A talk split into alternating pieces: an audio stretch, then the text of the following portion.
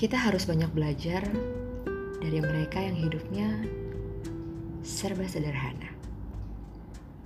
Dengan kesederhanaan yang mereka miliki, mereka mengajarkan kita untuk bisa betul-betul sadar bahwa kita hidup di hari ini.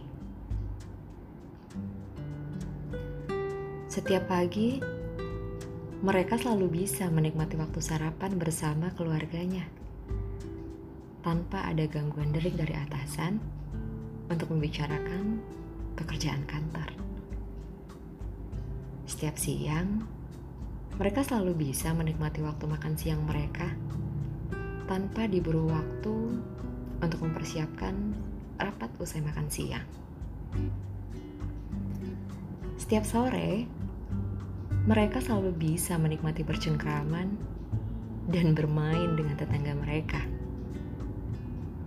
tanpa merasakan penatnya pekerjaan kantor seharian tadi. Dan setiap malam, mereka selalu bisa menikmati waktu istirahat mereka tanpa gangguan deadline yang harus diselesaikan pada hari itu juga. Hidup dengan rutinitas yang kita jalani saat ini membuat kita lupa bahwa kita ini manusia yang juga butuh waktu untuk diri kita, untuk lahir dan batin kita, bukan robot untuk orang lain. Kita tenggelam dalam ambisi orang lain di hari esok yang membuat kita terlalu sibuk untuk sekedar menikmati hari ini. Berbeda dengan mereka, yang dengan kesederhanaannya, mereka bisa selalu tersenyum tenang untuk hadir di hari ini. Bahagianya mereka ada di ketenangan hatinya. Bahagianya kita ada di mana?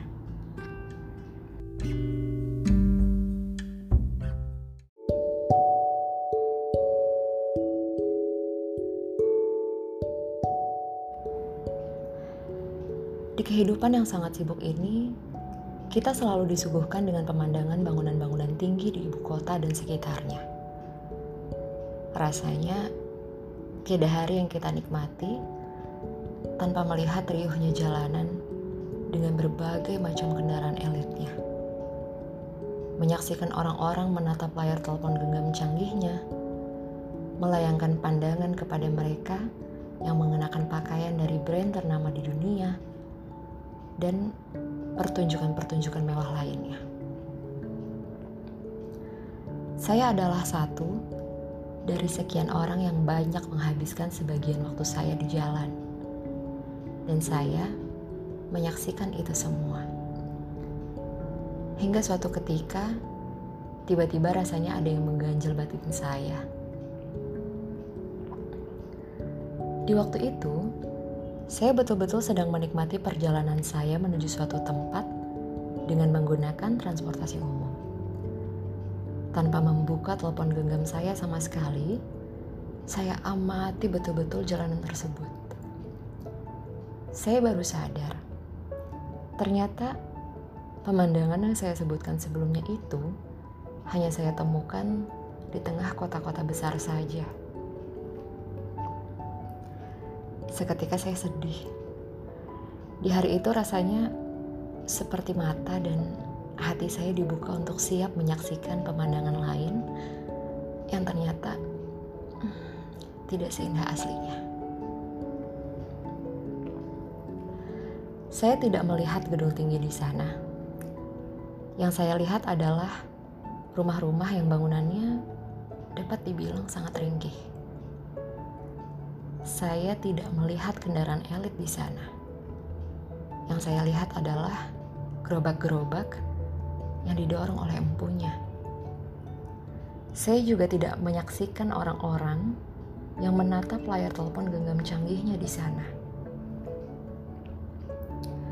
Yang saya lihat adalah sekumpulan orang-orang yang saling berbincang dan bertatap muka satu sama lain dengan pakaian yang sangat sederhana. Di saat itu, saya sangat tertampar.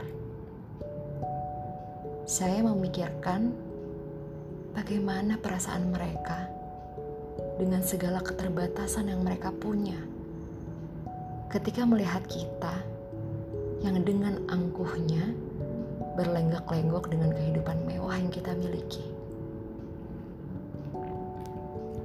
Kita yang katanya mengaku peduli, secara tidak langsung malah kita yang menekan batin mereka untuk semakin merasa kecil. Mereka mungkin tidak seberuntung kita. Tapi apa salahnya kita mengurungkan diri untuk menjadi angkuh?